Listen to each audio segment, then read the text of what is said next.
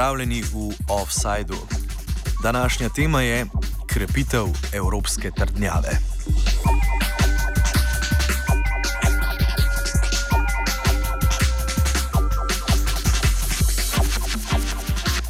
Da Evropska unija postaja trdnjava protimigracijske politike, ni nič novega. To pa potrjujeta tudi nedavna dogodka, ki sta se zgodila na tako imenovanih evropskih zonanjih mejah. V Bolgariji so postavili 33 km dolgo ograjo na meji s Turčijo, ki je namenjena preprečevanju vstopa vsem nedokumentiranim migrantom, po večini žrtvam sirske državljanske vojne. Na Mediteranskem morju pa smo bili priča ponovni utopitvi in zadušitvi več desetih ljudi, ki so v prenatrpanih čovnih potovali iz severnoafriške obale proti Italiji. Število prosilcev, ki zaprosijo za mednarodno pomoč v Evropi, se je v zadnjih letih povečalo. Slednja pa jih raje potiska nazaj, kot da bi skrbela za integracijske programe pri, spre, pri sprejemanju prosilcev za azil.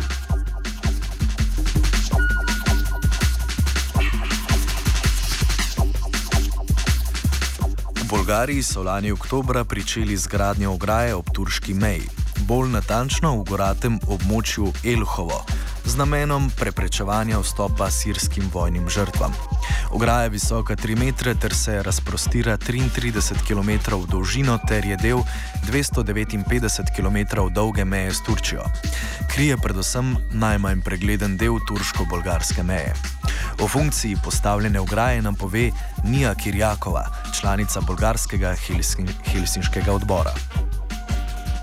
Part of the efforts of Bulgaria but also of the EU to uh, block the way of refugees and asylum seekers uh, for them to claim asylum, to claim protection. Uh, many of those people are fleeing conflicts, they're fleeing um, persecution in their countries.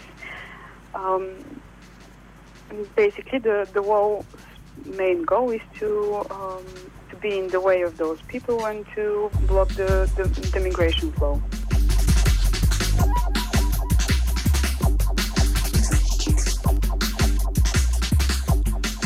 Po podatkih mejne policije se je v Bolgariji število prosilcev za azil od začetka sirske državljanske vojne desetkrat povečalo.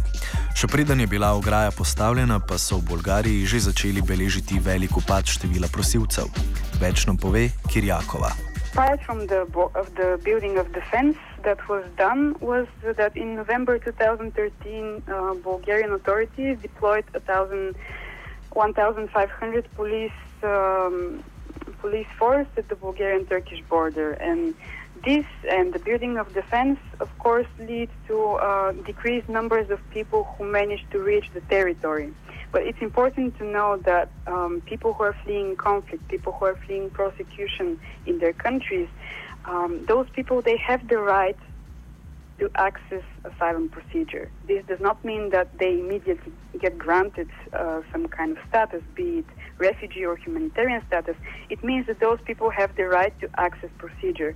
When countries build walls, of course, every country is a sovereign state and they have the right and the prerogative to safeguard their territory. But according to Geneva Convention and co- according to other international laws, a, a state, the state authorities, they do not have the right to keep people from reaching access to procedure. This means that if a country, in this case Bulgaria, builds a wall with the, with the sole um, aim to uh, to prevent people from reaching such asylum procedures, this is already against international law. So what um, will probably happen, and it, it is already happening, is as you said, numbers are decreasing and it, al- it already began in November when uh, the police uh, force was strengthened. As I told you, 1,500 uh, police officers were added. But the massive decrease has raised many uh, concerns that maybe it is not just people, uh, it is not just authorities guarding the border, but it's also possibly authorities doing pushback operations. Um, if you're familiar with pushback operations, this means that effectively authorities keep people from reaching the territory, and this is uh, this is against the obligations of countries of states who have signed the Geneva Convention and other international laws.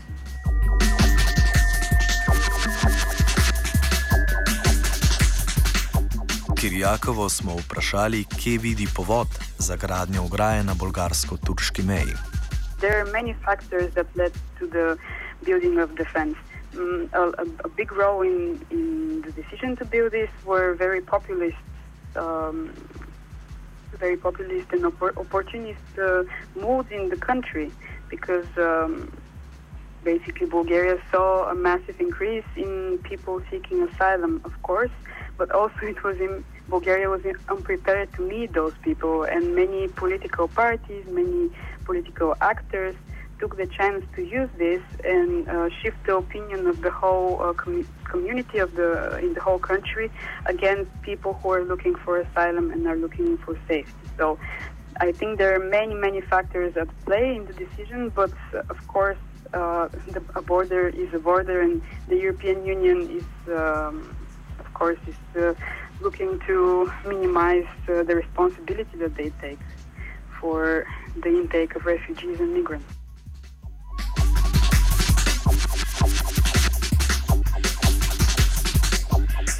Bolgarija je s pridružitvijo k Evropski uniji postala ena izmed njenih zunanjih meja. Kot suverena država ima pristojnosti, da določa svoja imigracijska pravila, vendar ne sme biti v nasprotju z nekaterimi evropskimi in mednarodnimi načeli. Postavljeno ograjo kritizirajo številne mednarodne organizacije za človekove pravice. Pravijo, da ni v skladu z določenimi mednarodnimi resolucijami. Ta ne bo rešila problema, k večjemu bodo ljudje prečkali mejo skozi nevarnejše predele držav. Po besedah Kirjakove se bolgarska zakonodaja, ki zadeva prosilce za azil, ni pretirano spremenila v zadnjih 20 letih. Pa vendar pove nam, kako Evropska unija s financiranjem obmejnih držav skrbi za vojne žrtve. Bulgaria, the Bulgarian authorities they have access to many European funds. Um, one of the, these funds is the, the refugee fund, another is the external borders fund.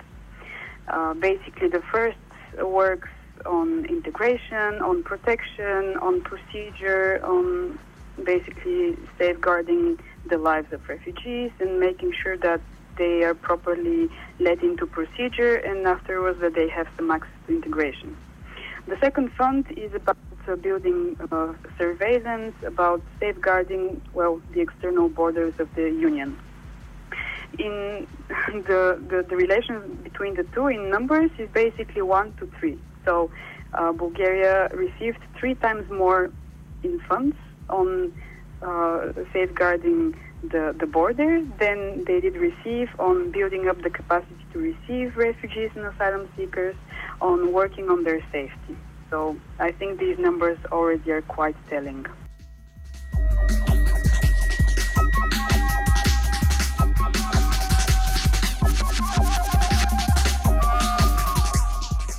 Poglejmo še v Italijo, ki je zaradi svoje geografske lege ugodna za prehod iz Afrike v Evropsko unijo. Čez vikend sta bili obaljna straža in vojska spet zaposleni za reševanje migrantov. Okrog 60 jih je izgubilo življenje zaradi zadušitve ali pa so bili poteptani. Širšo sliko priseljevanja, ki je zaradi velikega števila smrtnih žrtev problem že od 80-ih let prejšnjega stoletja, nam opiše italijanski aktivist Gabriel Del Grande. Shipwreck, uh, of these days is just the last shipwreck. You know, I mean, uh, since uh, it is a long story of death along the European border.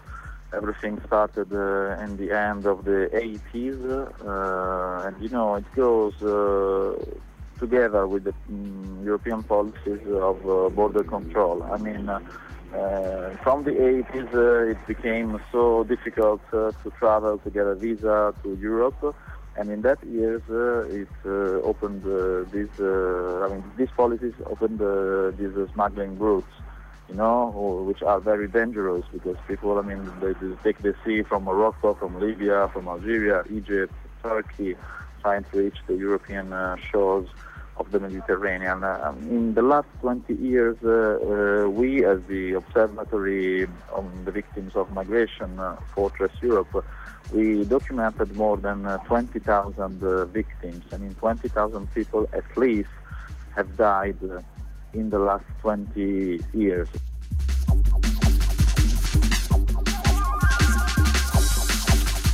Italijanski notranji minister Angelino Alfano si je za rešitev problema umislil sisteme, ki bi priseljence zadržali v državah njihovega izvora.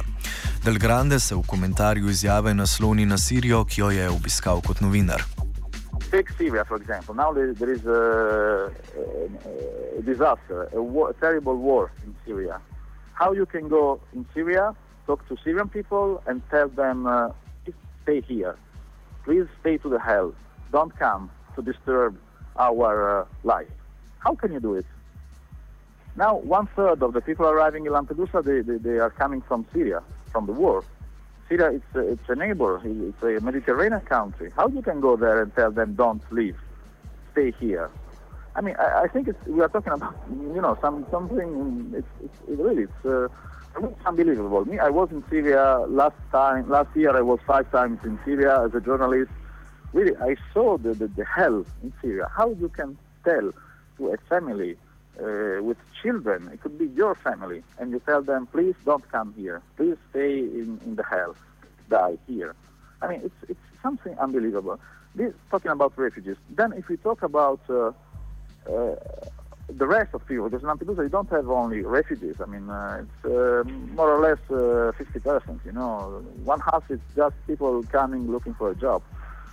Even these, I mean, why you should, you should tell you should tell to them to stay in Africa or in uh, their country when Europe at the same time is asking every year for millions, I repeat it, millions of workers I mean, the European policy of immigration is a, a policy which needs immigrants. We need immigrants workers.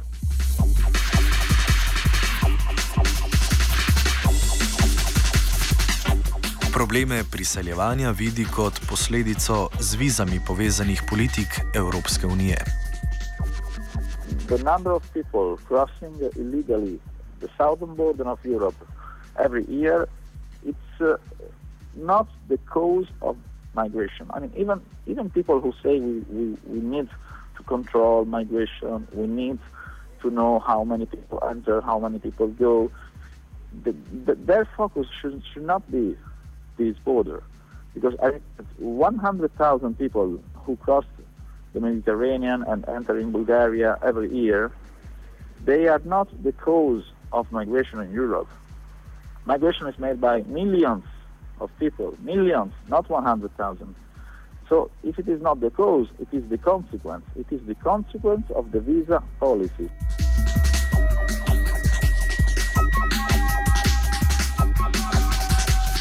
Kot velik problem se v retoriki politike Evropske unije izpostavlja trgovina z ljudmi. Del Grande na tako imenovane trgovce z ljudmi gleda drugače. I, I think there is a, a lot of uh, rhetoric about traffickers. You know, also I don't like to use these words because uh, we are not talking about people forced to move by the traffickers. We are talking about people who want to move, who decide to migrate to Europe. They have no access in our embassies and so the only way to do they have is to go to the smugglers and travel uh, in a, in a, you know in an illegal way. So I mean, traffickers are simply providing uh, uh, uh, travel services, you know, in a way. I, I mean, I, I know there are there is a mafia organization. Uh, I mean, it's an illegal. Uh, some kind of criminal networks that are making money with the life of people yeah, it's true, but they they are the consequence. They are not cause. I mean, people are not traveling uh, because there are traffickers. People are going to the traffickers because they cannot have a visa. I mean, nobody is uh, so crazy to take the sea if uh, he could travel uh, with an airplane, you know. And also, this is the history of the last 20 years. I mean, in the last 20 years, uh, we signed uh, police agreements with Libya, Morocco. We built prison in Libya at the time of Gaddafi. You know, uh, even if there were many reports uh, that denounced the, the, the, the, inhuman conditions in that prison, just because we thought we had to, to fight uh, the traffickers. And there was no result. I mean, until you have people who want to, to travel and uh, they cannot do it, I mean, they will find somebody who organize uh, the journey for them, uh, taking money and do it in a legal way. If you want really to, to fight the trafficker, you should uh, open a ferry service from uh, Tripoli, from Libya to Marseille, to Trieste, to Rotterdam, to you know, to Barcelona, to the main uh, harbors of Europe. I mean, you know, people want, want, want, want to travel. We are not talking about millions. We are talking about uh, a few tens of thousands of people. I mean, it's also ridiculous, you know, to, to fear the invasion because we are not talking about uh, the invasion. We are talking about 50,000 people every year which is, uh, I mean, uh, a ridiculous percentage of the millions of uh, immigrants workers who, who every year come to Europe.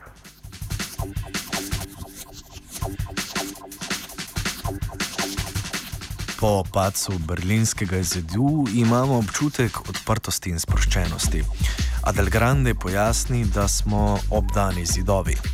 We have a wall in Greece, on the Turkish border. We have the wall in Bulgaria. We have the wall in Ceuta and Melilla, the two Spanish uh, enclaves in in Morocco, and we have uh, all these uh, you know military patrols on the sea, which is a kind of wall, if you want. So, I me I mean as a European citizen, when I see this, I, I feel very very upset because you know in '89 uh, we were celebrating you know the fall of the of the Berlin uh, Wall, and now I mean uh, 20 years later we are building up uh, new walls.